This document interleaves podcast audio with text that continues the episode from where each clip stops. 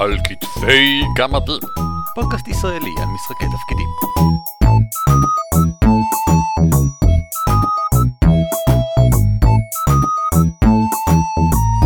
שלום וברוכים הבאים לפרק 152 של על כתפי גמדים פודקאסט ישראלי אנחנו עוסקים במשחקי תפקידים וגם הפעם אך הפעם ספציפית במפלצות תוצרת בית אבל רגע לא הצגתי את עצמי שלום אני ערן אבירם. נעים מאוד, אורי ליפשיץ. אורי למה אנחנו מדברים על מפלצות תוצרת בית? כי זה כיף ומגניב ונהדר, ובעיקר כי השבוע פרסמתי כמה תמונות ממערכת ה-Pathfinder שאני משחק בה. וציינתי שנלחמנו בקליפות. קליפאוס. שזה קליפות. שאני לא יודע קליפות. למה אני מבטא את זה באופן מוזר כזה, כי זה סך הכל מילה בעברית, זה בא מקליפות. כן. כאילו שלז. וחברי היקר גבע הגיב בפייסבוק על התמונה ואמר, הו, המנחה שלכם ממש מגרד את תחתית חבית המפלצות, כדי, כנראה כדי למצוא מפלצות שהרולס לויר בחבורה לא מכירים. וקודם כל לא, כי זה הרפתקה מוכנה, זה Rise of the Rune Lord, כן. שאנחנו משחקים כבר 42 שנה. ככה זה פאת'פיינדר, פאת'פיינדר פשוט מורכבת ממפלצות שהחבורה לא מכירים בכל המערכות שלהם דרך אגב. תשמע, פאת'פיינדר, ומה שיפה באדוונצ'ר פאת' שלהם זה שיש לך מלא, מלא אנשים שונים שכותבים כל אדוונצ'ר פאת', וכל אחד מהם מנסה להיות חדש, מקורי, מעניין ויפה ומוצלח. וזה יוצר דברים שהם מקוריים. אני אוהב את זה, אני מאוד אוהב את זה. אני גם אוהב את זה שאתה אף פעם לא יכול לצפות מה יהיה, כי זה שיתוף פעולה של כמה אנשים, אז גם אם אתה מבין את השטיק והקטע והאופי של מי שהיה אחראי על חלק מ-Adventure Path, אתה עדיין לא תמיד תבין את הדברים הקטנים, כי את החלק הזה של המבוך מישהו אחר עשה, את החלק הזה של המבוך מישהו אחר עשה, למרות שהתמות המרכזיות הן נקבעות על ידי מישהו אחד. זה הכל טוב ויפה אבל באנו לדבר על מפלצות שאנחנו יוצרים בבית לא המפלצות שמגיעות מהרפתקה אם כי כבר עכשיו אני אתן ספוילר אני חושב שזאת שטות גמורה וצריך לדבר רק על מפלצות שמגיעות מהרפתקה כשנגיע לחלק שלי אני ארחיב. אתה, אה, אתה יודע, כהרגלך, טועה, מטעה ובלונדון. אני, בתור מנחה, מאוד אוהב להמציא את המפלצות שלי. זה, זה מדהים בעיניי, יש כל כך הרבה שיטות וסיבות לעשות את זה, ואולי הטובה מכולם זה שככה אפשר להתאים באופן מצוין כל מפלצת למקום ולאופי של ההרפתקה שלך. אני לא מזמן אה, הרצתי סשן שהיה אמור להיות אה, על גבול ה... אני לא אגיד אימה, אבל מטלטל מבחינת מה שרואים בו. וגם, אני חושב שדיברתי על זה באחד הפרקים שלנו, שאחת המפלצות שם היה בלאד סיפיד, שזה כמו סנטיפיד, מרבה רגליים, אבל שהם uh, ערפדיים למחצה, הם ניזונים מדם. וזה בדיוק מסוג הדברים שנותנים להרפתקה המון אופי ואווירה משלה. העובדה שאין פה ערפדים או אה, שדים, זומבים, whatever, אלא יש פה מרבה רגליים שמוצצי דם. אני אישית הרגשתי שזה משהו שהוא הרבה יותר קל להתחבר אליו, כי מרבה רגליים זה משהו אה, מגעיל באופן טבעי ומוכר ויוצר תגובה מיידית, ובשינוי קל שהם גם מוצצי דם זה הופך את זה ליותר נורא. ויש גם את מה שגבע ציין, האלמנט הזה של, בסדר, נתקלנו בטרולים, וטרולים כנראה יהיה דוגמה חוזרת לאורך כל ה... ה rant שלי על הנושא הזה. טרולים הם מפלצות מאוד חזקות ומפתיעות, כי ככה זה באגדות, טרולים הם דבר גדול ומפחיד. ועם זאת, יש כל כך הרבה ארכיטיפים מוכרים היטב של טרולים, שבימינו שחקן שנתקל בטרול אומר, אה, אוקיי, זה טרול. אה, צריך לשרוף אותו, או לשים עליו חומצה, ואז הוא לא עושה regeneration וקל להרוג אותו. זהו. ולהסתיר את המכניקה מהשחקנים לפעמים, לדעתי, זה, זו סיבה טובה לעשות דברים כאלה.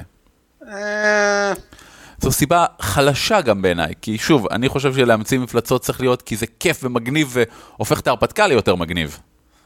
אה, להרפתקה, למפגש הראשון בקמפיין שאני מריץ עכשיו, לפני שנה, אה, המצאתי משהו שנקרא summer stubber, שהוא מין יצור מקפץ קפיצים כזה, שמועך אנשים על ידי זה שהוא נופל עליו, עליהם. כי אני אוהב שדברים הם מעניינים ויוצאי דופן. אבל כן, בשיטות מכניות זה לפעמים הרבה יותר קשה. אתה רוצה כבר להגיד לי כמה אני טועה, או שאתה לאט לאט מבין למה אתה טועה? אני רוצה דווקא להסכים עם משהו אחד שאתה אומר לגבי ה... אני חושב שהבלאד סטפיד, סטנטר בלאד פיד, הוא דוגמה מצוינת, בלאד ספיד, הוא דוגמה מצוינת למשהו שאני כן מאוד מסכים איתו. אה, אני פשוט חושב שהגישה שלנו הולך להגיע אליו תהיה שונה. שנינו לדעתי מסכימים שראוי שיהיו מפלצות מעניינות ומיוחדות כי מפלצת וגם אם השיטה היא לא שיטה מבוססת קרבות אויבים מעניינים אה, אתגרים מעניינים לעמוד מולם גם אם זו לא שיטה מבוססת אתגר אה, אנטגוניסטים ייחודיים גם בצורה שבה אתה צריך לגשת אליהם מבחינת משאבים וגם פשוט מהבחינה שתפיסתית זה מגניב בלאד פיד או איך שלא אומרים אותו. בלאד סיפיד מה הבעיה בלאד סיפיד. זה מעשיר את העולם גם וזה מעניין את השחקנים ויש בזה קוריוז בפני עצמו כל אלה הם תכונות נהדרות. אה, ומהבחינה הזאת כבר שנינו מסכימים זה זה הנקודה שאני חושב שאנחנו חושבים שהיא נכונה בלי קשר לאיך מגיעים למפלצת הזאת. מעולה. אם כך, אני מניח שהשאלה החשובה ביותר שקופצת כרגע לראשים של כל מי שמאזין לנו, זה איך אני מבהיר לערן כמה הוא טועה בכל שאר הדברים בחיים. אבל מאוד, יפה. נענה על זה אחר כך, כי מה שנענה עכשיו זה איך, איך אני יכול להמציא מפלצות מעניינות. אגב, זה לא רק למנחים, אני מצפה מכל שחקן, כשאנחנו אומרים, אוקיי, כל אחד עכשיו יכול לספר מה הדמות שלו עשתה בחודש מאז ההרפתקה הקודמת, להכניס יצורים מעניינים ומגניבים לתוך זה, הערת אגב, כמובן בתיאום עם המנחה שלכם, זה מגניב! להגיד, לא, בחודש הזה אה, סיירתי בממלכה והשמדתי אה, יצורים אה, מרושעים. אלא במקום זה להגיד, סיירתי בממלכה, השמדתי יצורים מרושעים והצלתי גזע קטן של לטאות אה, השמדה על ידי טרולים. ולקחתי אחד מהם איתי. יש לי חיית מחמד, אני ממליץ לעשות את זה בגישה דומה למה שאביב מנוח עשה לנו במשחק הצ'אט השבועי שלנו בוואנור. אה, התחלנו איזה סצנת קרב והאויב היה איזה שהוא אה, כנראה בן אנוש אבל כדי, לה, כדי לייחד אותו כאויב כמפלצת הוא שאל כל אחד מאיתנו תנו לנו פרט אחד למעשה הוא שאל את זה ככה מה הפרט יוצא הדופן בסצנה הזאת. אה, במקרה הזה זה היה לגבי הסצנה אבל זה עדיין טוב וזה גם מתחיל ב... אני אוהב את השאלה מה, היא קובעת שיש משהו יוצא דופן, התפקיד שלי זה להחליט מה. אז אפשר להפוך את זה לשאלה שבועית, מהו היצור יוצא הדופן שפגשת במהלך החודשיים של מסע או whatever. Mm-hmm. אנחנו מתישהו צריכים לעשות פרק שמדבר על מהם השאלות הנכונות לשאול כמנחה. אה, נניח, מה, מה יוצא דופן הולך? בסצנה, אה, מה יוצא דופן בסצנה זו שאלה מעולה, כי היא מבטלת את כל הבנאלי. אל תגיד לי עכשיו, אוקיי, יש לו הרבה שרירים, הוא גבוה, הוא, יש לו ריח רע מהפה, לא, מה יוצא דופן? כי יוצא דופן זה מעניין. אה, זה גם לא נכון, יוצא דופן זה נולד בניתוח קיסרי, אבל אה, לא נהיה קטנוניים כרגע. אנחנו רוצים לדעת מה הופך את הרגע הזה למיוחד, וזו שאלה מעולה. שאלות כמו, איזה מהדברים האלה הכי מפחיד אותך? כי השאלה הזאת כבר מכילה בפנים קביעה עובדתית, אחד מהדברים האלה מחזי, מפחיד אותך, כן. תעזור לי לקבוע מהו. אבל אורי, כן. אתה לא עוזר לי ליצור מפלצת. אה, ובכן, קצת עזרת לי ליצור מפלצת, אבל בוודאי יש עוד דרכים. אתה צודק. אה, אתה צודק, דעתי מוסחת בקלות. אה, אז איך להמציא מפלצות? קודם כל, השאלה החשובה היא, איך עושים את זה? זה מסובך, זה קשה, אין לי דמיון, אין לי פה, אז קודם כל אני יכול להרגיע את כל מי שמקשיב לנו. השיטה החביבה עליי להמצאת מפלצות, היא לא להמציא מפלצות. במיוחד בשיטות שיש להן מכניקה מורכבת.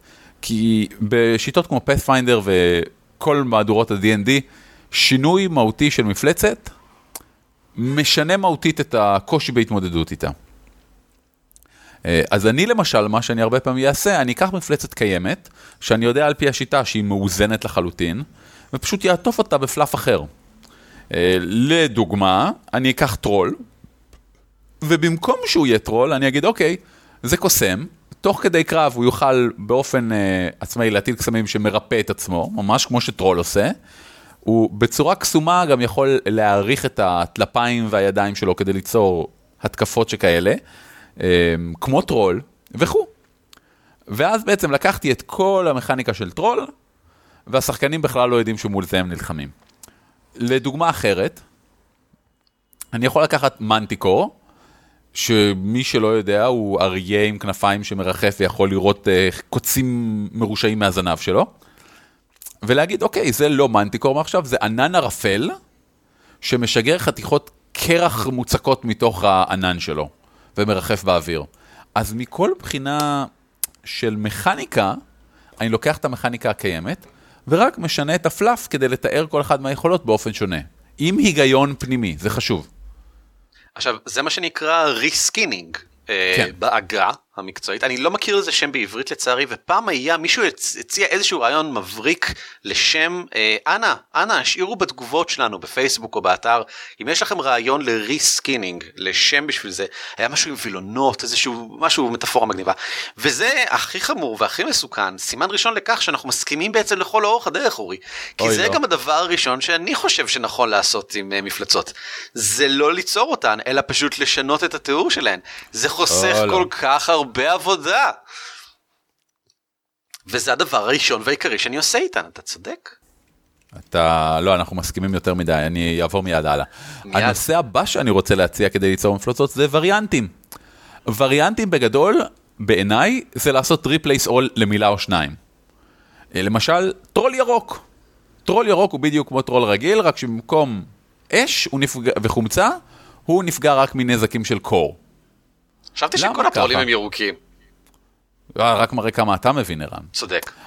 אני, אני חייב לספר שפעם הרצתי קמפיין פאת'פיינדר, וה party היו, קיבלו משימה להגן על תושבי הכפר מהמפלצת שיש זה, עשו קצת מחקר וגילו שזה טרול, ואז השקיעו עוד קצת מחקר וגילו שזה טרול לבן. והם היו, הם חיו באימה מהקרב הזה, הם לא ידעו מה לעשות בו, הם, היה ברור להם שזה טרול לבן, זה, זה, אתה יודע, זה, זה הולך להיות מסובך עכשיו, והם ויתרו על זה. הם פשוט מצאו דרך לעקוף את ה quest הזה בלי להרוג את הטרול. פשוט כי הם לא. ידעו איך להתמודד איתו. הם, הם לא ידעו איך להתמודד עם זה והם חששו. כן. ואני חייב להודות ולהתוודות, אני, אני לא יודע אם מישהו מהשחקנים יאזין לנו עכשיו, הטרול היה טרול רגיל. ה- הוא היה אלביינו, כלומר צבע העור שלו היה לבן, הוא פשוט היה לבקן. אבל. הוא היה לבקן, כן. והרעיון שלי היה חלק מרעיון מאוד מורכב, שיש משהו במנהרות האלה שגורם לכל מי שחי שם להפוך להיות לבקן, אה, איזה אצות שוכלים או משהו, אבל, אבל זהו. הרעיון היה שיש את הטרול והם נכנסים יותר עמוק למנהרה ומוצאים עוד בעלי חיים לבקנים וכו' וזה. אבל שוב, אתה רואה, זה, זה דוגמה קלאסית ל-replace all רק לצבע שלו, גרם לשינוי נחמד ומהותי. אה, אורי, יש כאן בעיה, כי אני ממשיך להסכים איתך. אני חושב אה. שווריאנטים על יצורים, זה, אולי אני אגיד את זה קצת אחרת, אני חושב שזה הכרחי. זאת אומרת, אה, וזה גם משהו, אם כבר נחזור שנייה אחת ל-Rise of the Rune Lords וההרפתקאות של Pathfinder, זה משהו למשל שהם תמיד עושים גם כן.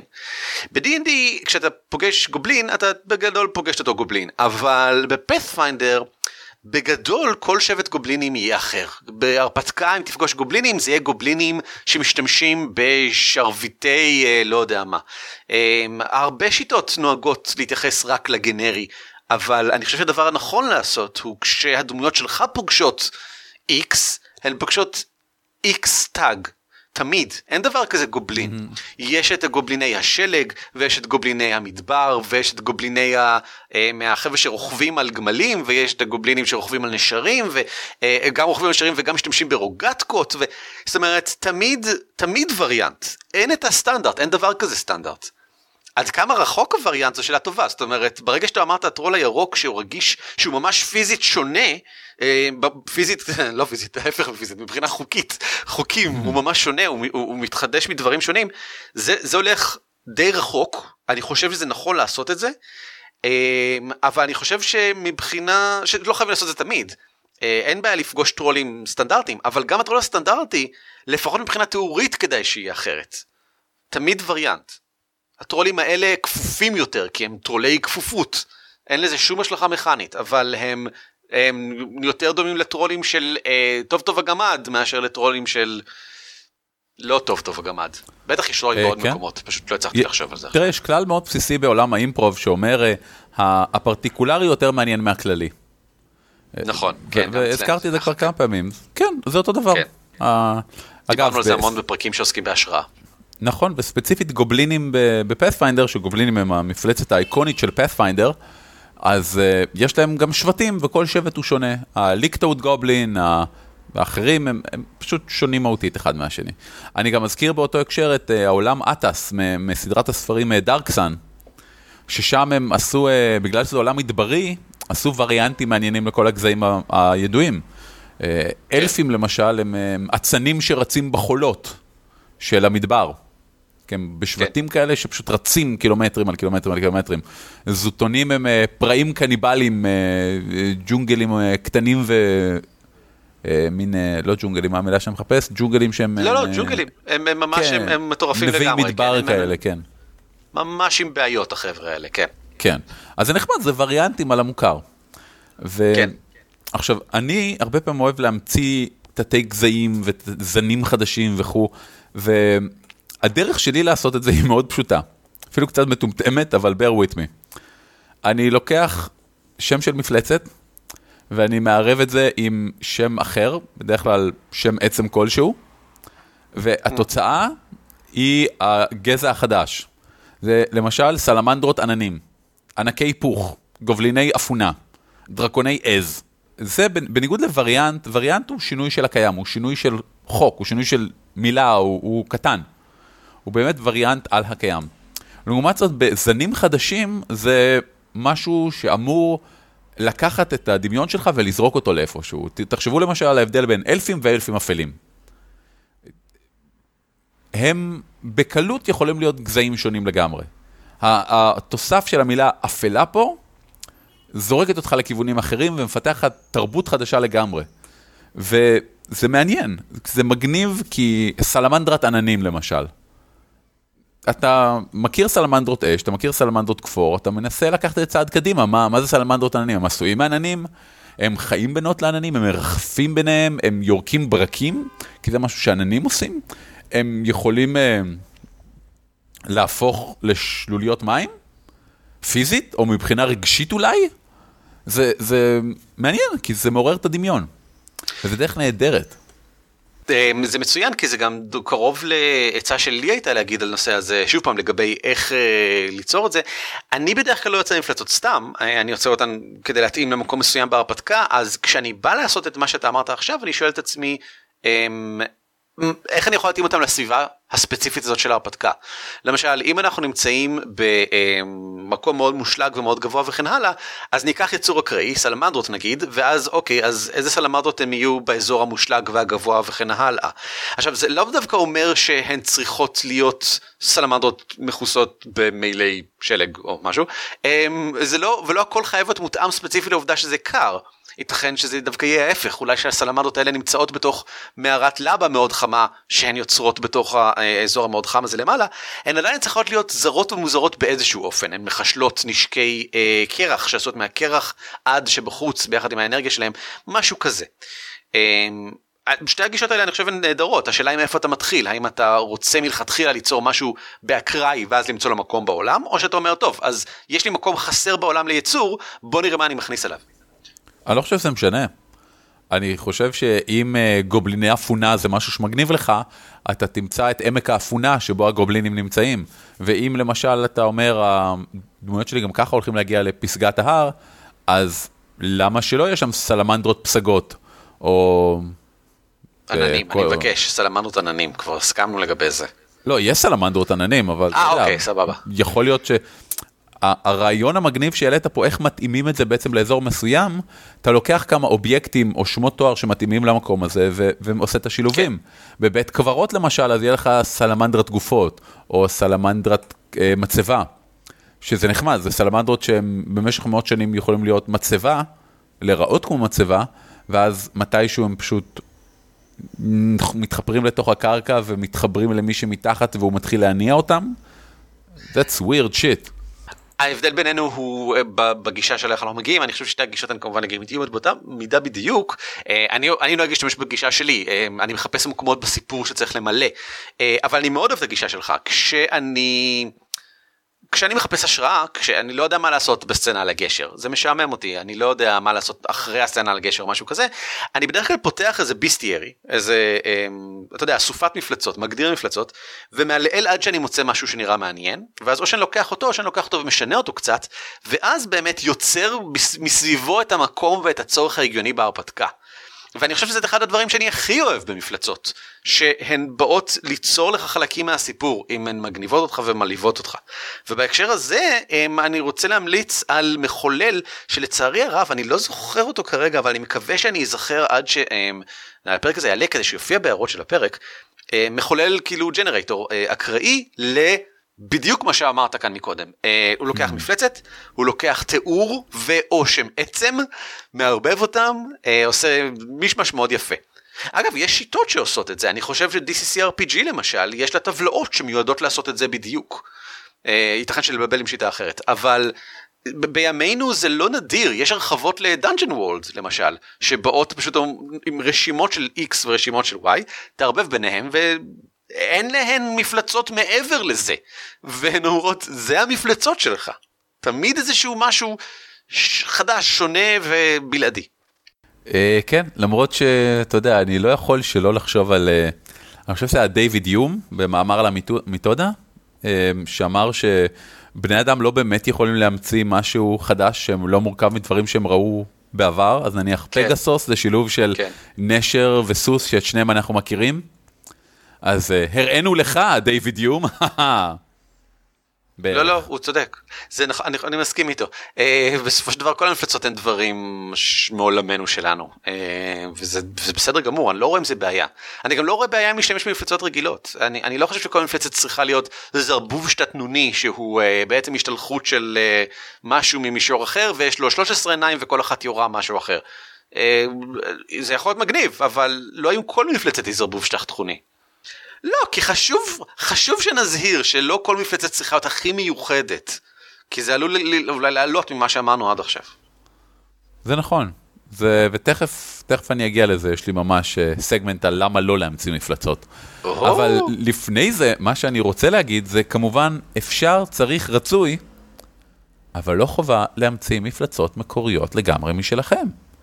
איך בכל דרך שעולה לכם לראש, אנחנו זרקנו פה כמה הצעות, אבל בסופו של דבר, אם הלכתם ודרכתם על אה, ק"4, וזה נורא כאב לכם, ואתם רוצים מפלצת שיורה ק"4 על הגיבורים, ואז כואב להם כשהם הולכים, סבבה.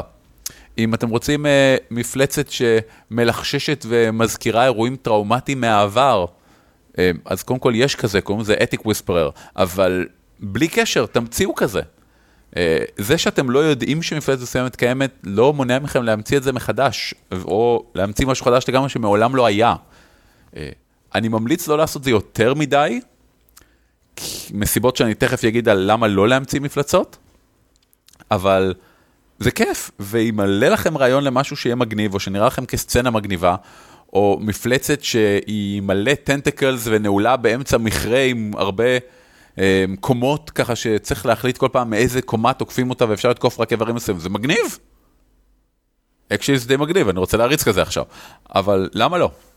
אני אגיד לך למה לא, אני למשל, סוף סוף נראה לי שהגענו לנקודה שבה אנחנו לא מסכימים באמת, אני נגד להמציא מפלצות חדשות, אה, אולי זה בגלל שאני לא עושה את זה בעצמי אף פעם, אה, זה לא נוח לי, אני לא נהנה מזה, אפילו בשיטות כמו ואנו, שבהן מפלצת חדשה זה פסקה של תיאור, שלושה מהלכים שאתה ממציא במקום ומניע, וזה פחות או יותר כל המפלצת, גם שם אני לא עושה את זה. אמ, כי אם זה כיף לכם מעולה אבל אם לא אז אני מעדיף להשקיע את המאמץ שלי בלמצוא את המפלצת הזאת שמישהו כבר עשה. אה, זה לא בגלל שאני אוטומטית סומך על כך שמישהו עשה את זה עשה את זה טוב. זה בעיקר בגלל שאני רוצה לחסוך לעצמי את הזמן ואני מוצא שיותר מהיר לי למצוא יצורים מאשר להמציא יצורים. אה, ובגדול אני גם סומך על כך שמי שעשה את המסע יותר טוב בגלל שאני מחפש במקומות ברמה גבוהה. אמ, אני אוהב מגדיר המפלצות, אני אוהב מאוד את ה... SRD של אה, פייזו, קל לחפש בו דברים והוא שימושי לא רק לפאת'פיינדר אה, בגלל שיש שם מפלצות שהן פשוט מעניינות, אתה יכול לקחת אותן למה שאתה רוצה. כשאני מחפש מפלצות לבנור אני מחפש ב-SRD אה, של פאת'פיינדר. יש שם כמה? חמישה ביסטייריז כבר? אמ, אני גם קונה לפעמים ביסטייריז, כלומר מגדירי מפלצות של שיטות אחרות, אה, קניתי של ואנור למשל גם כן, אה, הוא דווקא די נחמד, אני חושב שניתן קישור בשבילו, בדרייב ת'רו RPG יש הרבה כאלה, PDFים של כל מיני חברות קטנות או אנשים קטנים שעושים דברים כאלה, אה, ואני מעדיף למצוא איך לחפש יש לי, יש לי את הגישה שלי לגבי, אה, בין אם לעלעל בספר עד שאתה מוצא משהו שמגניב אותך, שזה נהדר, אה, או שאתה מחפש לפי ס- סוגי אקלים שאתה חושב שיתאימו, או סוגי איום שאמורים לשמש, יש כל מיני טבלאות לחלוקה. אה, אל תצרו, אלא אם למה כיף לכם, לעשות אני דבר חושב. כזה? במ- קודם כל, כן, אל תעשו שום דבר ברולפליי אם לא כיף לכם. לא, אבל זה חשוב, כי הרבה מנחים חושבים שליצור מפלצת זה חלק מהתפקיד של להיות מנחה, ושאם אתה לא עושה את זה, אתה באיזשהו מקום חסר, או פחות טוב, או שזה חובה שלך. ואני לא מסכים, אני גם, אני פשוט לא חושב שזה נכון. להתאים מפלצת זה מה שצריך לעשות. תראה, להיות מנחה זה כמו בעיניי ליצור סרט. ואף אחד לא מצפה שבמאי של סרט יהיה גם סופר מוצלח של עלילה, יהיה גם צלם טוב, יהיה גם ספיישל אפקט גיא טוב, יהיה גם uh, שחקן טוב, ויהיה גם מאפרת טובה. החוכמה היא לקחת את הדברים שמצליחים ולשלב אותם. אה, עד כדי כך פשוט. אגב, הטריק שלי, כשאני באמת רוצה לעשות דברים אה, נחמדים, אני בוחר מילה באקראי, רושם לידה monster, ומחפש את זה ב-Google Images. אני מגניב, יש לי כן, עכשיו כן. מול הפנים שלי את אה, טרוצקי monster, ויש פה weird ass shit, ממליץ לכולם לחפש את זה. היטלר מופיע רק פעם אחת אגב. אמ, אבל שוב, המון איורים ממש מעניינים שאפשר כל אחד מהם להפוך למפלצת. אבל, אה, אני רוצה לקחת צעד אמיץ ונועז ולהסכים איתך. אורי, על- מה קורה כאן? למה לא להמציא מפלצות? עכשיו, יש לי שני סעיפים פה שיכולים להישמע קצת מטופשים, אבל לדעתי הם חשובים מאוד. הראשון ביניהם זה שחקנים אוהבים שהידע שלהם בעל משמעות, ובצדק. נכון יה- מאוד, נכון מאוד. נכון. ושתיים, שמתחבר מאוד לראשון, כי מוסכמויות שמקובלות על כל מי שיושב מסביב לשולחן, זה כוח מלכד לדמיון של כולנו. אם כולנו יודעים מה זה טרולים, והמנחה אומר, יש מולכם טרול, זה מאוד עוזר לתאם את הדמיונות של כל מי שמסביב לשולחן. זה, זה השימוש הנכון והטוב ביותר במוסכמויות. הם עוזרים לאנשים כן. להכניס דברים לתבניות. אז זאת הסיבה שאני אוהב את הטרול הלבן שלך למשל. הטרול הלבן, הם, ברור לי מה זה טרול, אבל פתאום הוא לבן. אז יש את המוסכמות, אנחנו כן בונים מסביב לזה, אבל הלבן לא ברור לי, אני לא יודע מה זה. אז השאלה היא איפה הוא חורג, לכן הם גם נרתעו ממנו, כי הם לא יודעים איפה הוא חורג מהמוסכמויות שלהם. יש מקומות שזה יותר ברור, אה, טרול קרח, לכולנו ברור איפה הוא חורג מהמוסכמויות שלנו. הוא עשוי מקרח, אולי הוא חסין לאש או משהו כזה, אבל אז חומצה בטח משפיעה עליו. אנחנו, זה, זה נעשה די, די פשוט להבין את הדברים האלה. כשהוא לבן זה פחות פשוט, אבל זה הופך את זה למסתורי וזה כיף. ואני גם אוהב את זה בגלל שזה שומר על כך שהידע של השחקנים הוא עדיין בעל משמעות. אה, כי כמו שאמרת, הדברים מחוברים. זה לא רק מוסכמות, זה גם ה- הידע שלי. אני, בגלל שאני יודע איך טרולים עובדים, אני מרגיש בנוח להתמודד איתם במשחק ואני אוכל לנצח אותם. ואני ארגיש טוב שאני מנצח אותם עם כל מה שאני יודע עליהם. ואחרי שאני אביס את הטרול הלבן, אם אני אמיץ מספיק כדי להתמודד מולו, מה שכנראה אני לא, סיפור שלך, אז יהיה לי עוד ידע, שזה יועיל כשאני אגיע לטרול החום, למשל. כי אז אני כבר, יש לי ידע נוסף, והידע הנוסף הוא איך סוגים שונים של טרולים נבדלים זה מזה. עכשיו פתאום שאני יודע שיש עוד סוג של טרול, זה הפתעה. אבל אחרי שאני יודע שיש עוד סוג של טרול, אני אולי יכול, יכול להתחיל להבין מה המשמעויות של הצבעים. ואז אני כבר, יש לי איזושהי הבנה לגבי הטרול החום, ואני יכול לחזות מה קורה עם הטרול הירוק. אני את העולם, כיף. כן, השארתי את העולם, על ואני הדרך. פיקח, ו- וניצחתי את הפאזל, וזה הכל נהדר. נראה לי שאני הגעתי לסוף הרשימה שלי, תשמע, זה פשוט כל כך כיף לי להמציא מפלצות חדשות, וכל כך כיף לי להשתמש במפלצות חדשות, שאני פשוט תוהה איך אי פעם שחקנים שלי נשארו בחיים. אה, אני מאוד אוהב להשתמש בהרפתקאות מוכנות ולכן אני משתמש גם במפלצות בילט אין בהרפתקאות האלה. ממש עכשיו התחלתי להריץ D&D 5 ויש לי משהו להגיד על המפלצות שלהן אבל אתה יודע מה זה נראה כמו הזדמנות מצוינת לסכם את הנושא ולעבור לגמדים חופרים. גמדים חופרים! אז על מה יש לנו לחפור? כי אני חושב שיש לנו משהו כמו 9,800 דברים להגיד. אז בוא נעשה אותם מהר כדי לא לשעמם לגמרי את כל המאזינים שנשארו. אז אתמול הסתיים אה, קמפיין מימון ההמון של קוסמים קטנים, הפרויקט שאיתי חורב עושה בתמיכתנו וסיוענו. כן. ולהפך, הפרויקט שבו אנחנו מסייעים לאיתי חורב לעשות את הדבר המדהים הזה. אה, כן. אז קודם כל, כל הכבוד לו, כל הכבוד לכולנו. לי הכי פחות כל הכבוד, בגלל שאני חושב שהשקעתי הכי פחות במימונה. השקעתי הכי הרבה לפני, אבל במימונה עצמה אני עשיתי די, די מעט, ואני מאוד מאוד שמח לראות איך איתי הצליח להרים את זה, ואיך אביב תמך בו בטירוף לכל האורך, ואתה כל פעם שאתה הספקת להיכנס לצ'אט שלנו, היה מטורף. שני החבר'ה האלה, ו- וזה לא חוכמה, כי אותנו, אותנו שומעים הרבה, אנחנו מדברים, אנחנו עושים פודקאסט. אבל איתי חורב ואביב מנוח הרביצו פה נתנו עבודה, מכות רצח, הר... מכות, מכות רצח, הרביצו קמפיין עצבני. כן. אולי, ו... רגע, אנחנו לא אמרנו בכמה הוא יסתיים, שהקהל ידע, אני לא יודע אם הם יודעים בכלל. וואו, אז קודם כל דראם רול. זה, צריך. אני חייב להודות שאני הפסקתי להסתכל ב-31,000, שזה היה שעה, שעתיים לפני, אבל בסופו של דבר זה נגמר עם 32,137 שקלים. מתור של 298 משקיעים. אדיר. זה לא נכון, זה 200, 298 השקעות, צריך להגיד. אה, נכון, נכון. מישהו תומך פעמיים, זה נספר פעמיים, לא שזה נכון. משנה. אה, אבל שוב, מ-9,000 שקל, שזה מה שהגדרנו בתור הסכום המינימלי להוצאת הספר, הגענו ל-32 אלף, מעל 32 אלף, וזה אומר שהמון דברים נהדרים קורים. זה פשוט...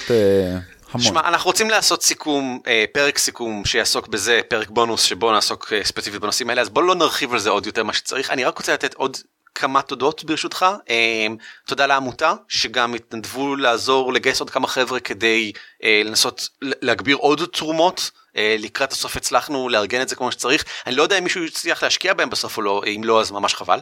תודה לאיתמר וייסברג ולאסף שעובדים מאחורי הקלעים על ההגהה לקראת ההוצאה של הספר אה, ואיפה הוא עומד הספר ומתי הוא יגיע לחנויות נעדכן אני חושב כשנדע יותר בפרק בנוס. תשמע זה כל פעם מפתיע אותי מחדש. החיבוק החם הזה של קהילת המדע בדיוני, פנטזיה, רולפליי בארץ, אמ, כשאנחנו לא עסוקים בלהתווכח אחד עם השני, אלא יש לנו מטרה מול העיניים, אז התמיכה שהיא מקבלת זה מדהים. בסדר גמור. אמ, בואו אם אנחנו מסכמים דברים מעניינים שקרו בזמן האחרון אז אה, אולי אתם זוכרים בפרק הקודם שלנו היה הקלטה בביגור והרשו לי ככה לסכם קצת את ביגור. ואת עולמות הייתי אני... גם בעולמות. סבבה אני אסכם את ביגור קודם כי בקושי הייתי בביגור. כן. אז הסיכום שלי יהיה ספתח נהדר לדעתי שלך. אה, אני פשוט הגעתי, עשיתי את ההקלטה שלנו, שהייתה מאוד כן. מוצלחת כן. בעיניי, וברחתי. מה שכן הספקתי לראות זה שהיה המון שולחנות, המון משחקים, ואווירה מאוד טובה, אפילו שההקלטה שלנו הייתה בבוקר, 10 עד 12, ב-12 היה אולם כמעט מלא. וזה כן. 12 ביום ראשון בבוקר, זה לחלוטין לא מובן מאליו שיהיו אנשים. אז הנה החדשות שיעניינו אותך, הוא נשאר אותו דבר פחות או יותר לאורך כל היומיים. תמיד היינו באולם, כולם פשוט היו באולם כל הזמן, ותמיד הייתה תחושה שהאולם מלא. וזה היה מאוד משמח, אה, זו הייתה תחושה טובה להיות שם, זה היה כיף לשחק, גם לי וגם לשחקנים מתחילים, היו כל מיני שחקנים מתחילים שבאו. למשחק האקסקום שלי הגיע שחקן פעם ראשונה שהוא בא לכנס, אה, ומאזין ותיק שלנו, ואם כבר אני רוצה להגיד תודה, שלושה מאזינים ניגשו אלינו, אליי, לא יודע אם אליך, אבל אליי שניים בביגור, אה, בחור ובחורה, ואני מכיר את השמות של רובם, אני לא רוצה להגיד, אבל כי אני לא יודע אם הם רוצים שאני אגיד. ובחור אחד נוסף בעולמות שאני לא מכיר את השם שלו, ניגשו ואמרו לנו ספציפית, אמרו לי ספציפית תודה על כך שאנחנו עושים את הפודקאסט, ושזה פודקאסט אדיר ושהם מאוד נהנים. ושאני אגיד לך גם כן, וזה מאוד מחמם את הלב כשזה קורה, אז תודה רבה לכם על כך שאמרתם לנו תודה. ותודו לנו על זה כשניפגש. כן, זה, אתה יודע, זה מחמם את הלב. זה ממש אחלה. Um, הבחור אחד um, הדפיס את כל נסק, מסתבר, את כל סיפורי נסק, לפני שנים, ומצא את זה לאחרונה כשניקה את הבית לקראת פסח, והביא לי, לקחתי, תודה. um, אני לא חושב שמישהו קרא את סיפורי נסק לדעתי כבר שנים. Um, רגע, אבל אני רוצה לסכם את, את ביגור ולסיים סופית כל מה שיש לי להגיד עליו. Um, הייתי בהנחיה אולימפית, הגעתי מקום שני. מקום ראשון הגיע איתמר פארן. אה, עשיתי סיכום שלם של כל מה שיש לי להגיד על ההנחיה האולימפית הזאת כבר אה, בבלוג שלי אז אני פשוט אתן קישור ישיר לשם וכתבתי מלא טחנתי את המוח אלוהים אדירים אה, באיך הרצתי את ההרפתקה איך כתבתי את ההרפתקה וכן הלאה ולמה אני חושב שאני זכיתי אפילו שהשתתפו שם אלופי מסתורין גדולים ממני התמה הייתה מסתורין אבל אני פשוט חושב שהתמה היא אחד הגורמים הפחות משמעותיים בניצחון בהנחיה אולימפית. אז מה כן, מה כן, מה כן גורם לניצחון? ספר לכולם. בידור. בעיקר בידור. אם, אם, אם הקהל מתבדר, אתה צריך דבר של לענות, לענות מינימלית על התנאים. אתה צריך לשלב את שלושת הגורמים, אתה צריך שהכל יזרום כמו שצריך כמובן, אבל מעל כל זה, מעל, אם אתה ממלא את הטיקים האלה, מעבר לזה השאלה היא עד כמה אתה מבדר. ככל שאתה מבדר יותר, ככה אני חושב הסיכויים שלך עולים. אני אולי זו גישה קצת פשטנית אבל בסדר אנחנו לא כרגע נסכם את הכל. סיכמתי את מה שיש לי להגיד נמשיך. דבר אחרון שאני רוצה להגיד לגבי ביגור זה משחק האקסקום שהרצתי שהיה אחלה. אחרי שהרצתי אותו לכם אז הרצתי גרסה משודרגת וקיבלתי מיילים משניים מהמשתתפים ותודה רבה לשניהם. אחד מהם שוב אני רוצה להגיד את השם כי אני לא יודע אם אנשים רוצים. שלח לי מייל אורי אתה לא ראית ניתוח משחק שכזה לדעתי כבר בימי אתה יודע למה לא ראיתי? כי לא עשית לי פורוורד, נבל. אני, אתה לא מבין, הוא נכנס לפרטי פרטים, זה תענוג לראות, זה דבר שזה תענוג לראות שלמישהו אכפת מספיק כדי באמת לשלוח מייל אחרי שהמשחק מסתיים. אני ביקשתי כמובן אה, שישלחו, אבל אין להם שום חובה לעשות את זה, ומאוד קל לשכוח מזה או להחליט שזה לא מספיק חשוב. לי זה חשוב, אבל אתה יודע, כל אדם וחייו שלו. והנה הבחור הזה שלח לי שני מיילים מטורפים, וזה תענוג לקרוא את זה, ותודה רבה. אה, ואם כבר מדברים על השקעות מטורפות, אז אני אקפוץ שנייה לעולמות. אה, אתה מכיר את 20 טבעי עם אורי שילה? באמת. אני דיברתי על 20 טבעי במשך שעה וחצי בזמן שאני ואורי שילה נסענו ברכבת חזרה מ... מחיפה, מ... כן? כן, דורות, נכון? דורות, נכון, והם פשוט משתפרים כל הזמן, כל הכבוד להם. אז ממש היום הם העלו את הסרטון שהם צילמו בעולמות, שמטרתו היא לעודד אנשים לבוא לעולמות. אה, גם אני משתתף שם, אני הראיון האחרון שלהם, וזה יופי של סרטון, כרגיל. ומדברים על השקעה מטורפת, ראיתי גם, אה, ראיתי אותם בפעולה כשהם באו, באו לצלם אותי ממש במקום ולצלם את הדוכן של אה, הוצאת גיבורים. זה, הם, אנחנו כאילו, קשה להשוות בינינו לבינם מבחינת כמות השקעה. לנו יש ותק עליהם, אבל זה פחות או יותר כל מה שיש לנו עליהם כרגע. אנחנו גם עושים סאונד ולא וידאו. כן, כן, לא, בוודאי, בוודאי. אה, אם אתם רוצים, אני ממליץ בחום לעקוב אחרי SMTV, ולו בגלל שזה רק התחלה של משהו גדול, אני בטוח. אה, ודבר אחרון, רק מילה אחרונה על Edge of the Empire, אני רצתי שני משחקים של Edge of the Empire, אחד בביגור ואחד בעולמות, שניהם היו אה, עם שלושה או ארבעה שחקנים, ושניהם היו מצוינים, כי ערכת ההתחלה של the Empire היא פשוט טובה, ושום דבר, זו, זו הייתה אגב חגגתי את הפעם העשירית שאני מריץ את אותה ערכה, פעם עשירית, את אותה הרפתקה, וזה אף פעם לא מפסיק להיות הרפתקה מצוינת. אז ממש קודוז למי שכתב אותה. זה נשמע ממש כיף. אני רוצה לשחק עכשיו. אה, ואני רוצה גם להגיד לך שהמשחק אקסקום, שוב, אני, אני מרג... I got the fuzzy end of that lollipop. כמו תמיד כשאתה במשחק שהוא הרצת ניסיון ראשונית של משהו, אה, במקום במוצר המוגמר. אבל זה היה ממש ממש כיף. אני לא חזרתי לזה מאז שחזרתי אה, לכאן אבל יש לי את הכוונות. אני מקווה שהכוונות האלה יהפכו גם לפעולות אבל יש לי עוד הרבה דברים שאני צריך לעשות. לפני שאני יכול להתיישב על אקסקום אני חייב למרבה הצער לא הספקתי בחודש שעבר אני חייב למנויים שלנו אה, מסמך שלוש הצעות שלא כתבתי עדיין ואני צריך שלוש הצעות חדש לחודש הזה ואני רוצה שלוש הצעות שלישי שיופץ בחינם במסגרת אה, Savage Worlds. אז יש הרבה עבודה לעשות אה, מעבר לכך. אז נראה. דבר אחרון שאני רוצה לחפור עליו זה הקלטת משחק חדשה שעלתה ממש ברגעים אלו אז לפני יומיים כשאתם שומעים את זה אה, לאתר שלנו אה, המכרה האבוד של פנדלבן הרפתקת ערכת ההתחלה של D&D 5 שעשינו סקירה שלמה עליה בפרק אה, 80 ולא זוכר כמה זה לא משנה היה כמובן בהערות של הפרק ניתן קישור לסקירה שכתבנו עליה. אה, כתבנו? לדעתי גם אמרנו, גם כתבנו וגם דיברנו עליה בעצם, זה ממש פרק שלם. ואני מאוד נהנה מהמשחק הזה, זה רק משחק ראשון, אבל שלושת השחקנים חדשים, לצורך העניין מתחדשים חלקם. חדשים, אה אוקיי. כאילו אה, ירון אסה וברק ניצן מהפודקאסט ספק סביר למי שמכיר אה, משחקים ושני אה, המצפן המוסרי של ספק סביר וחברתו של ברק השלושה אלה מתוכם לדעתי רק ירון שיחק אי פעם וזה היה לפני 20 שנה. והוא היה חצי אלף והוא ירה לי בגב. אני לא אשכח לו את זה לעולם. לעולם. וזה, וזה תענוג לשחק עם שחקנים חדשים. זה פשוט נפלא והם כולם טובים. ו, וזה תמיד משגע. ברק יצר דמות והוא מכניס את עצמו לצרות בכוונה כי הוא חושב שזה מעניין. ואני פשוט אתה יודע איזה תענוג זה עם שחקן מתחיל? שחקנים מתחילים אמורים לרצות רק אתה יודע להצליח. אבל ברק יצר דמות שמנסה שהוא מכשיל את עצמו לא אה, כל הזמן לא כדי להיכשל כי הוא רוצה כי הוא חושב שזה סיפור יותר מעניין לראות דמות אה, עם אה, ש... השגות מוזרות לגבי החיים ש... שצריכה ללמוד לצאת מהם. גם ירון יצא דמות כזאת שניהם נהדרים.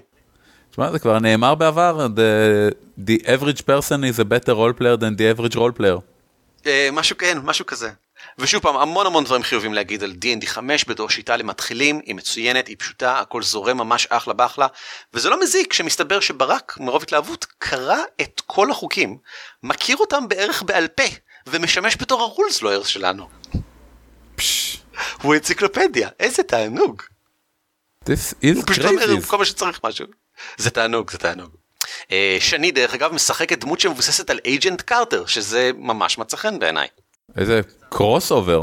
לגמרי אה, יצרנו דמות שהקטע שלה ובכן שאלנו את עצמנו מה בעצם מעניין ב-Agent Carter מה היא רוצה שמעניין אותה ב-Agent Carter והקטע של להתגבר על הטירוף שמסביבה על העולם המתנכל לה כאישה וסוכנת אה, ולהיות fucking badass מטורפת אז היא לוחמת badass מטורפת אבל היא דם דרקון בעולם של פרון ששם זה מאוד לא סטנדרטי אז כולם גזענים כלפיה מאוד. אוי מסכנה. אבל זה נשמע נורא כיף. לא זה תענוג זה נהדר ואתה יודע זה זה מסוג השחקנים שכש אז אתה אומר לה בסדר נו אז את פוגשת מישהו ומדברת איתו אז את מגלגלת עם disadvantage בגלל שאת דם דרקון היום ונורא וכולם שונאים אותך ו- והיא מרוצה מזה אתה זה, זה משהו שאתה זה משהו ש... בגלל שזה בהסכמה עם השחקן זה לא נופל עליו זה מה שהוא רוצה שיקרה. אך איך אני אוהב שחקנים חדשים. איך אני אוהב אותם. הם, הם פשוט לא מודעים לתבניות ולמוסכמויות של הז'אנר, אז הם לא מבינים שהם שוברים כל כך הרבה דברים, מה שהופך את המשחק שלי לכל כך מעניין. מה שנחמד בעיניי מאוד, כל זה מתחיל בגלל שברק נורא רצה לשחק, והוא הצליח לאסוף אותנו לעשות את זה. והוא נורא רוצה לשחק בגלל Critical Role, הוא עוקב אחרי Critical Role. תוכנית ה... אמ, אני לא יודע איך לקרוא לזה, זה קבוצה של voice actors שמשחקים D&D ומשדרים את זה בערוץ יוטיוב Geek and Sundry. משדרים את זה ב-Twitch למעשה, אבל אז זה גם עולה ב-Geek and Sundry ביוטיוב, והם פשוט מקליטים אותם משחקים. ו... היום זה ז'אנר, זאת אומרת יש כמה וכמה ערוצי יוטיוב שזה מה שהם עושים ועוד מעט דן הרמון מ-Community פותח ערוץ שכזה. ו- Harmon אמ, Quest. כן נכון ועוד מעט ב-D&D פותחים ערוץ כזה רשמי ופני ארקייד פותחים ערוץ כזה בשביל Acquisitions Inc שהם אחת מהקבוצות הראשונית הראשונות ש, שיזמו בעצם את הקונספט הזה של לצפות באנשים משחקים. אני מת על Critical Role אני צופה בהם זאת אחת מתוכניות הטלוויזיה הקבועות שלי לצורך העניין. וברק ממש נכנס, נכנס לזה ותראה איזה יופי זה גרם לכך שחבורה חדשה קמה. הוא גרם לכך שהוא באמת משחק. טוב, כנראה שאין ברירה אלא לעשות כזאת אה, משלנו. מתישהו, איכשהו, איפשהו. בבקשה אורי. קדימה, כן בבקשה, לך על זה. תעדכן אותי כשאתה בפרק ראשון באוויר. אני אה, שונא אותך. אה, זהו, לי אין יותר מה לחפור, חפרתי מלא.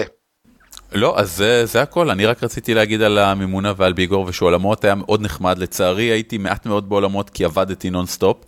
אה, אני הייתי רק ב, בשני אירועים משלי, שזה היה אה, המופע של אה, למבטי ודווקא אירוע מאוד חמוד שנקרא של מי ההרצאה הזאת לעזאזל, שזה לקחת אה, אמ, קצת כן. PowerPoint קריוקי, לקחת כן. אה, מרצים מנוסים, לתת להם אה, מצגות שהם מעולם לא ראו ולתת להם להעביר את זה, אבל המצגות הן מצגות של הרצאות אמיתיות מעולמות, מהכנס.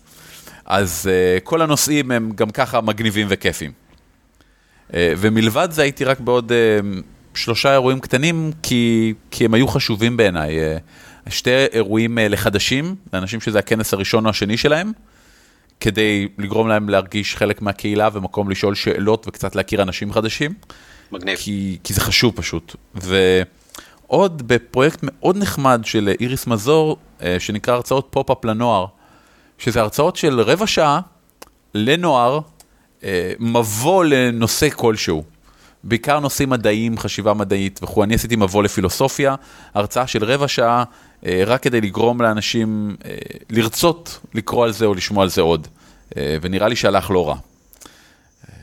זהו, זה, זה היה כל עולמות שלי, אז אמ, לא הספקתי לעשות הרבה דברים roleplay ים, וחבל. זה בסדר, זה בסדר, יש עוד בחיינו, אני בסדר עם זה. שנעבור לחדשות ועדכונים כדי לספר גם להם איזה עוד דברים יכולים להיות בחייהם? חדשות ועדכונים! אז ככה, דבר ראשון, יש לנו עמוד תמיכה חדש, אה, כשבו אנחנו מרכזים פשוט כל הדרכים השונות לתמוך בנו. החל מפשוט להגיד אהלן בכנסים וכלה בטופ שבטופ שזה אתה יודע, לתמוך בנו דרך מימונה. זה ב-dwarves.org.il/support יש קישור כמובן בהערות יש מעכשיו קישור גם בתפריט שלנו למעלה אם לוחצים על הצד ימין למעלה נפתח בתפריט כזה אה, יש שם גם תמיכה ואם אתם מעוניינים לתמוך בנו בכל צורה שהיא העמוד הזה ננסה לשכנע אתכם למה כדאי וגם מנסה להסביר איך אתם יכולים לעשות את זה ברמה שמתאימה לכם. אה, כולל כל ה-affiliate שלנו. אם אתם קונים משהו אנא קנו אותו דרך הקישורים האלה כי אז פשוט נקבל מזה איזשהו משהו ולכם זה לא עולה כלום. דבר שני אה, אם כבר המלצנו מקודם על Critical אה, Role אני אמליץ על פרק ספציפי של Critical Role מין one shot מיוחד כזה שבו הם שיחקו גובלינים וב-Pathfinder בדרך כלל משחקים D&D 5 אבל הם שיחקו ב-Pathfinder כדי לשחק גובלינים וזה היה פרק נפלא כולל למשל חוק שמאפשר לעשות רי-רול אם אתה שר את השיר שלך לכל גובלין היה את השיר שלו, ופעם אחת אפשר לשיר אותו, ואז לגלגל מחדש את הקובייה. אה, וזה היה פרק נצא מן הכלל, גם עם כמה, אה, ובכן הם כולם voice actors, זה הקטע, אז הם הביאו voice actors נוספים חדשים, אשלי ברץ', שאני מאוד אוהב, ויש לה הרצאה מדהימה על אה, דמוגרפיה של אה, נשים וגברים במשחקי מחשב ווואו אני ממש מקווה שאני אוכל למצוא אותה כדי לתת אותה כי אני חושב שזו הרצאה פוקחת עיניים מאוד. ופיל אמר שהוא הרמס מפיוטרמה אז אני אוהב אותו נורא. אמ, חדשות חשובות אחרות ואלה באמת חשובות DriveThruRPG אמ, שאם אתם לא יודעים פתחו ביחד עם D&D. את ה-DM's Guild שמאפשרת לכל אחד לכתוב תוכן ל-D&D 5 ולמכור אותו באופן מאוד נוח דרך האתר. פתחו עכשיו את אותו דבר לשיטות נוספות, לשיטות מאוד גדולות. מאוד קיוויתי שזה יקרה, כן. כן, גם אני, אני הייתי מופתע שזה קרה כל כך מהר. Cypher System של מונטה קוק, ש Numenera מבוססת עליה, Cortex Plus של Margaret Weis Productions, שהיא שיטה גנרית שאני הבנתי שזוכה לתשבחות ואני חושב שדלנדרי מבוסס עליה, ו Traveller, שהיא שיטת המדע הבדיוני ההארדקור הוותיקה ביותר ביקום, אני חושב שמישהו ב-1340 המציא אותה ומאז היא רצה עד היום יש להם עדיין מהדורות אה, ועכשיו אפשר לכתוב לכל השיטות האלה תוכן משלכם ולמכור אותו דרך האתר זה פשוט לא ייאמן. זה מדהים שזה לא קרה קודם וזה מדהים שזה קרה בכלל אי פעם כולל עכשיו. כאילו אני, אני לא יודע פשוט להגיד כמה זה מדהים לי זה, זה נהדר וזה אה, דרך נהדרת להפריץ את המוץ מהתבן אה, ויש המון ביקורת לגיטימית שכבר אנשים אומרים על זה. אה, כמו שזה מוריד את הכוח של ה... חברות הפקה שמארגנות מוצרים גדולים וכו' וכו' וכו', אה, אבל לדעתי זה פתרון נהדר לאנשים הקטנים שיצרו משהו מגניב ורוצים לפרסם אותו לעולם, וכשאתה מפרסם דברים בחינם, זה לרוב לא עובד כל כך טוב, גם כי אין לך תמורה על העבודה שלך, וגם בגלל שאין דרך באמת לגרום לדברים טובים לצוף למעלה. אז אני מאוד בעד כל זה, ולכו על זה. פשוט לכו וקנו שם, יש שם דברים נהדרים. שני דברים אחרונים, האחד, עוד המלצה על משהו שכדאי לכם מאוד לראות לדעתי, הרצאה מצוינת של המעצב הראשי של מג'יק מזה 20 שנה, עם 20 לקחים שהוא למד, אה, הוא עשה את זה בהרצאה של אה, GDC בכנס של מפתחי משחקי מחשב, אבל לא רק שהלקחים האלה שימושיים לכל משחק, הם גם שימושים למנחים, למי שרוצה פשוט להריץ משחק תפקידים, אמ, יש שם עקרונות יוצאים מן הכלל שכדאי מאוד להכיר, זה רק שעה ואני חושב שזה האזנת חובה.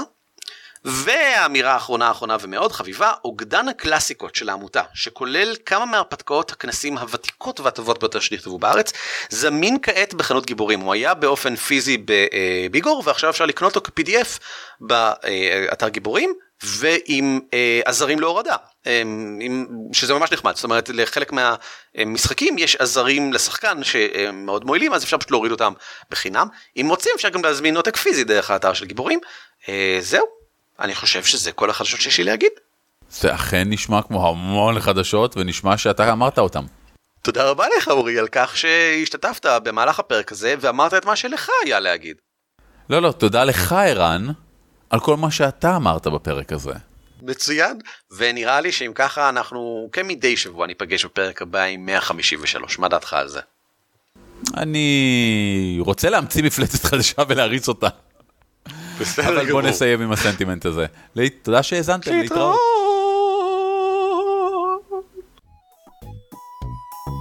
על כתפי גמדים משותף ברישיון שיתוף ייחוס זהה Creative Commons 3. כלומר, אתם מוזמנים להפיץ אותו היכן ומתי שתרצו, כל עוד אתם נותנים קרדיט למקור. הצוות שלנו הוא ערן אבירם, אורי ליפשיץ ואביב מנוח, וניתן למצוא אותנו באתר שלנו ב-dwarves.org.il, בפייסבוק, בטוויטר או בגוגל פלוס, או לשלוח לנו מייל לגמדים את roleplay.co.il. על כתפי גמדים מוגש לכם בחינם, ואם אתם רוצים לתמוך בנו, כנסו בבקשה ל-dwarves.org.il/support.